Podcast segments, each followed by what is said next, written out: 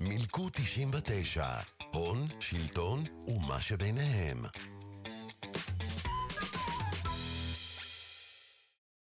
אהלן, בלי הקדמה נתחיל בחידה. איך העובדה שמלכי ישראל נמשכו בשמן אי שם לפני אלפי שנים, מסייעת לחברות כמו ויסוצקי ושטראוס? התשובה לא פחות מעניינת מהשאלה. בזמן האחרון התרחש משהו מאוד משמעותי בחיים שלנו, וכשאני אומר שלנו, אני מתכוון אליכם, ואליי, כרמל, למקרה שלא זיהיתם, ואל כל הסובבים אותנו. סביר להניח שלא שמעתם על זה, כי זה לא בחירות, ולא איראן, ולא רמטכ"ל חדש, או משהו שקשור לנדל"ן. זה כן קשור ליוקר המחיה. ואם אתם מאזינים ותיקים שלנו, אז כבר חפרנו לכם על זה בעבר. אבל הפעם, הרפורמה בשוק היבוא מגיעה לישורת האחרונה. מה זה אומר?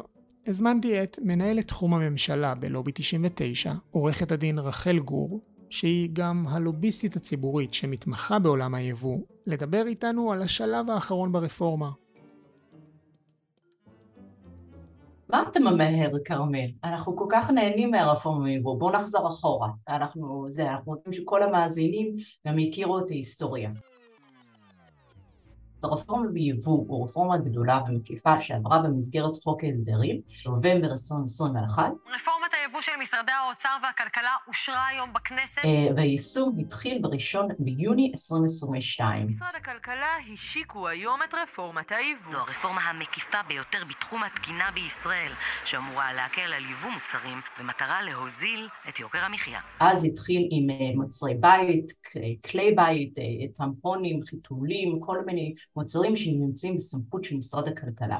עכשיו אוטוטו תיכנס לתוקף החלק השני של הרפורמה שמתייחסת למשרד האנרגיה לסטנדרטים של התייעלות אנרגטית שבעצם אה, הסטנדרט ישראל יהיה תואם או יתאם אה, לסטנדרט האירופאי. ועכשיו נשאר לנו מה שחלקים יגידו זה החלק הארי של הרפורמה שזה התמרוקים, הטואלטיקה והמזון. החלקים האלו, פרק 3 ופרק 4, נמצאים בסמכות של משרד הבריאות, ואמורים להיכנס לתוקף בראשון ראשון 2023. בתחילת שנת 2023 ייכנס לתוקף החלק האחרון של רפורמת היבוא, המזון הארוז. אני יודע מה אתם חושבים. מה הקשר בין משרד הבריאות לבין יבוא? למה משרד שאמור להתעסק בבריאות קשור לתחום כלכלי? אז קודם כל, אני מזמין אתכם להאזין לפרק 32 שלנו, מונופולים, תקנים וחסמים. הרחבנו על זה שם, אבל בנוסף, כדי שלא תפסיקו להאזין לפרק הזה, לרחל יש תשובה. הוא לא קשור ליבוא, אולי זה חלק מהבעייתיות אה, בכל המהלך הזה, הוא קשור לבריאות. המוצרים אה, שזה שיש, נשקפת להם סכנה בריאותית לטענת משרד הבריאות נמצאים באופן היסטורי תחת סמכותם. במקרה מדובר גם המזון, בעצם הרפורמה ביבוא מתקנת את הפקודה להגנת הצרכן, שזה אחד מחוקי המזון הגדולים שנמצאים בסמכות משרד הבריאות, והתמרוקים מתקן את פקודת הרוקחים, שהוא גם חוק בסמכות משרד הבריאות. למשרד הבריאות יש אחריות, והוא רוצה לממש אותה. כלומר, הוא רוצה לדאוג שכל מה שמגיע מחו"ל, ועשוי לסכן אותנו, יעבור בדיקה, או יעמוד בתקן כלשהו. תקן שהוא קובע. הם בעצם מסדירים איך, באיזה תנאים חייבים לעמוד בהם על מנת לייבא מוצר או תמרוק. ובמקרה הזה מדובר ברשימה מאוד מאוד מאוד ארוכה של דרישות החל מרישיונות כלליים, רישיונות ספציפיים, חידוש רישיונות, רישיון לאחסון אה, ועוד רשימה ארוכה של ביורוקרטיה מסובכת ומסובלת שבעצם חוסמת יבוא, שבעצם מקשה על כניסתם של שחקנים חדשים ולכן בתחום גם של הטואלטיקה וגם של מזון, אנחנו הרבה פעמים שבויים בידי שניים שלושה אה, יבואנים אה, מונופוליסטיים או בלעדיים, אה, וזה כמובן מעלה מחירים. אם אין תחרות, אז המחירים יעלו בהתאם. אז בואו אני אספר לך במה אנחנו מתמקדים כרגע. אנחנו כעת מתמקדים ברפורמה ביבוא מזון. זה כרגע הנושא שעומד על הפרק ואמור להיות הכרעה אה, של משרד הבריאות ושל רשות הרגולציה החדשה שפועלת פה בתור אה, הוועדה או הסמכות שיכולה לאשר החרגות מהרפורמה אה, וזה אמור לקרות ממש מימים אם לא בשבועות הקרובים. אז בואו נדבר קצת על היבוא. יש לנו בישראל 137 תקני מזון ייחודיים, הם בעצם אומרים שהסטנדרט של אותו מוצר מזון ארוז, וחשוב להגיד, אנחנו לא מדברים פה על חקלאות או על יבול אה, טרי, אלא אך ורק על מזון אה, ארוז, הרפורמה מתייחסת רק לזה, ויש לנו פה 137 תקנים שאומרים שהסטנדרט של, לדוגמה, קפה, טונה, ריבה, פסטה, קטשאפ, גלידה, שמן זית, דבש, כל הסטנדרטים האלו, הסטנדרטים של כל המוצרים האלו, בישראל הם שונים, שונים וייחודיים ממה שמקובל בשאר העולם המפותח. וכפי שכבר דיברנו הרבה פעמים פה בפודקאסט ובכלל כאילו בעשייה של הלובי, אם בישראל אנחנו דורשים סטנדרט ייחודי, זה יהווה חסם אי אפשר לצפות מיצרן בינלאומי גדול לייצר פס ייצור נפרד אך ורק לשוק הישראלי. זה לא ריאלי. במקום הם יחליטו אה, לוותר על השוק הישראלי, וזה הפסד שלנו, כי אנחנו רוצים שיהיו פה כמה שיותר שחקנים על מנת לייצר תחרות ולהוריד מחירים. אז כעת אנחנו ממוקדים בתקני המזון. עכשיו, מתוך ה-137 תקני מזון, משרד הבריאות כבר הסכים לבטל כ-90, וזו בשורה מבורכת, ואנחנו שמחים על כך. חלק מהרפורמה, משרד הבריאות מציע לבטל בסך הכל כ-90 תקנים מתוך 127 עד שנת 2026, כמו למשל פסטה, קמח, תרכיז עגבניות, ריבות ועוד. אנחנו עכשיו בדין ודברים. גם עם משרד הבריאות וגם עם ועדת החריגים של רשות הרגולציה.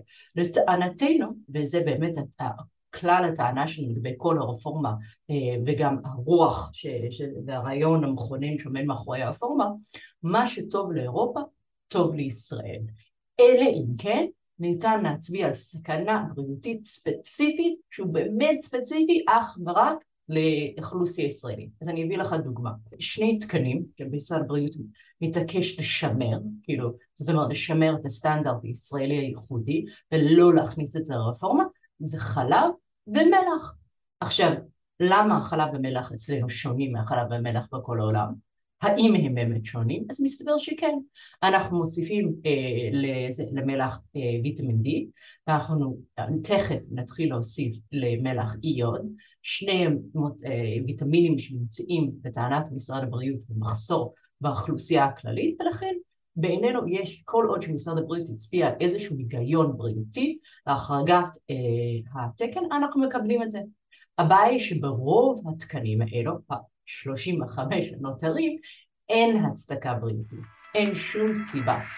הערב בתוכנית חיסכון, רפורמת היבוא יצאה לדרך, למה השמן הזית והדבש נשארו בחוץ, ואיך זה קשור לתקופת המלכים מהתנ"ך.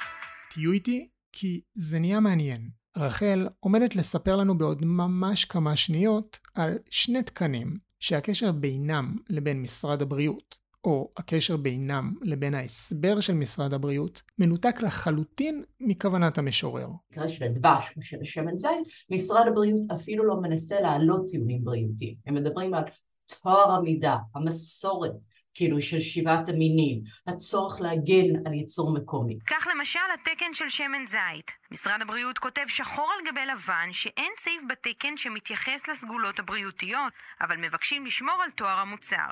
טוהר שעולה לנו הרבה יותר. ממשרד הבריאות, שממנו היינו מצפים לשמוע נימוקים ובכן בריאותיים, ניתן נימוק אחר לגמרי תרבותי והיסטורי. לשמן הזית במסורת היהודית יש מקום של כבוד, זית הינו משבעת המינים שימוש למשיכת מלכים. ציטוט מהמסמך הרשמי. כן, לא תקנים, לא בריאות, טיעון שלקוח מספר מלכים.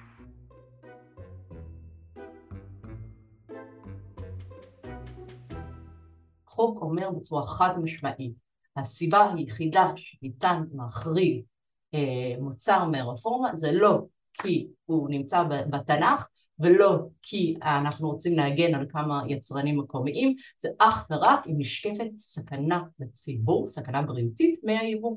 ופה זה לא המצב. אין שום סיבה שאנחנו לא יכולים לייבא שמן זית, שהוא ברמה מאוד גבוהה גם באירופה, גם שם זה מהווה חלק עיקרי אה, מהתזונה הים תיכונית, וכנ"ל דבש. אתם מבינים נכון, הטיעונים של משרד הבריאות לא קשורים לבריאות. חוק הגנה על בריאות הציבור, במקרה הזה מזון, מאפשר לשמר את התקנים הישראלים הייחודיים רק מנימוקים של בריאות הציבור. גם אנחנו תומכים בשימור התקנים במוצרים כמו חלב או מלח, לגביהם משרד הבריאות הוכיח שאכן יש צורך בריאותי. אבל אנחנו מתנגדים בתוקף לשמירת תקנים ייחודיים במקרים שבהם משרד הבריאות לא הוכיח שיש סיבה בריאותית. הם בכלל לא בעולם הבריאותי, מדובר בטיעונים בעיקר במוצרים אלו טיעונים של תואר, זאת אומרת הם רוצים שזה, שהסטנדרט הישראלי ימשיך להיות ייחודי על מנת לשמר את התעשייה המקומית, בעצם הם רוצים לתת פטור מתחרות, הם רוצים, את יודעת, מדובר פה בהגנה אה, הכי בסיסית על התעשייה המקומית וגם חשוב להגיד שבסופו של דבר לא מדובר פה בחקלאים אה, קטנים או באיזושהי חברה קטנה. אם תחפשו ברשתות השונות שמן זית המחירים שתמצאו כמעט זהים לחלוטין. שמן זית של זטה ויסוצקי יעלה כ-33 שקלים, יד מרדכי שטראוס 31 שקלים ואם תחפשו אוסם, שופרסל או רמי לוי תמצאו ב-30 שקלים. בחו"ל תשלמו פחות ותקבלו יותר בכמות. דבש של יד מרדכי, שזה בעצם שטראוס, שופרסל, יד מרדכי שטראוס. גם בדבש רואים שהשוק מרוכז, המחירים דומים, ומשאירים את התקן הייחודי ללא הסבר בריאותי. גם הדבש וגם השמן זית נשלט על ידי חברת יד מרדכי, שהוא נמצא בשליטת חברת סטראוס. אז אנחנו לא מדברים פה על הפטור, כאילו, לכמה חקלאים בודדים או קטנים, אלא אנחנו מדברים על פטור מתחרות, אחת החברות הכי גדולות במשק. זה הסיפור, כאילו מהם אנחנו מגינים על תחרות ומהם אנחנו מוודאים שלא יצטרכו להתחרות עם מוצרים המאוד איכותיים והמעולים שניתן לייבא מאירופה. פה נכנס שחקן נוסף, משרד הכלכלה. שהוא זה שבסופו של דבר אמור לאזן בין תחרות בריאה לבין הגנה על היצרן הישראלי. הוא ביקורתי, לטענתי לא ביקורתי מספיק, אה, לפחות לא, לא באופן פומבי.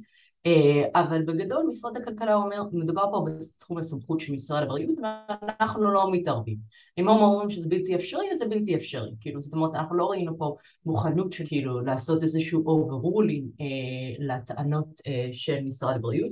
חשוב להגיד, אבל בסופו של דבר שמשרד הכלכלה אה, הם רק חברים בוועדת החריגים. היו"ר זה לא נציג של משרד הכלכלה, אלא זה היו"ר החדש של רשות הרגולציה שנמצא במשרד רוה"מ, אה, עורך דין יואל בריס, אה, ובסופו של דבר ההכרעה הסופית הסופית נמצאת אצלו.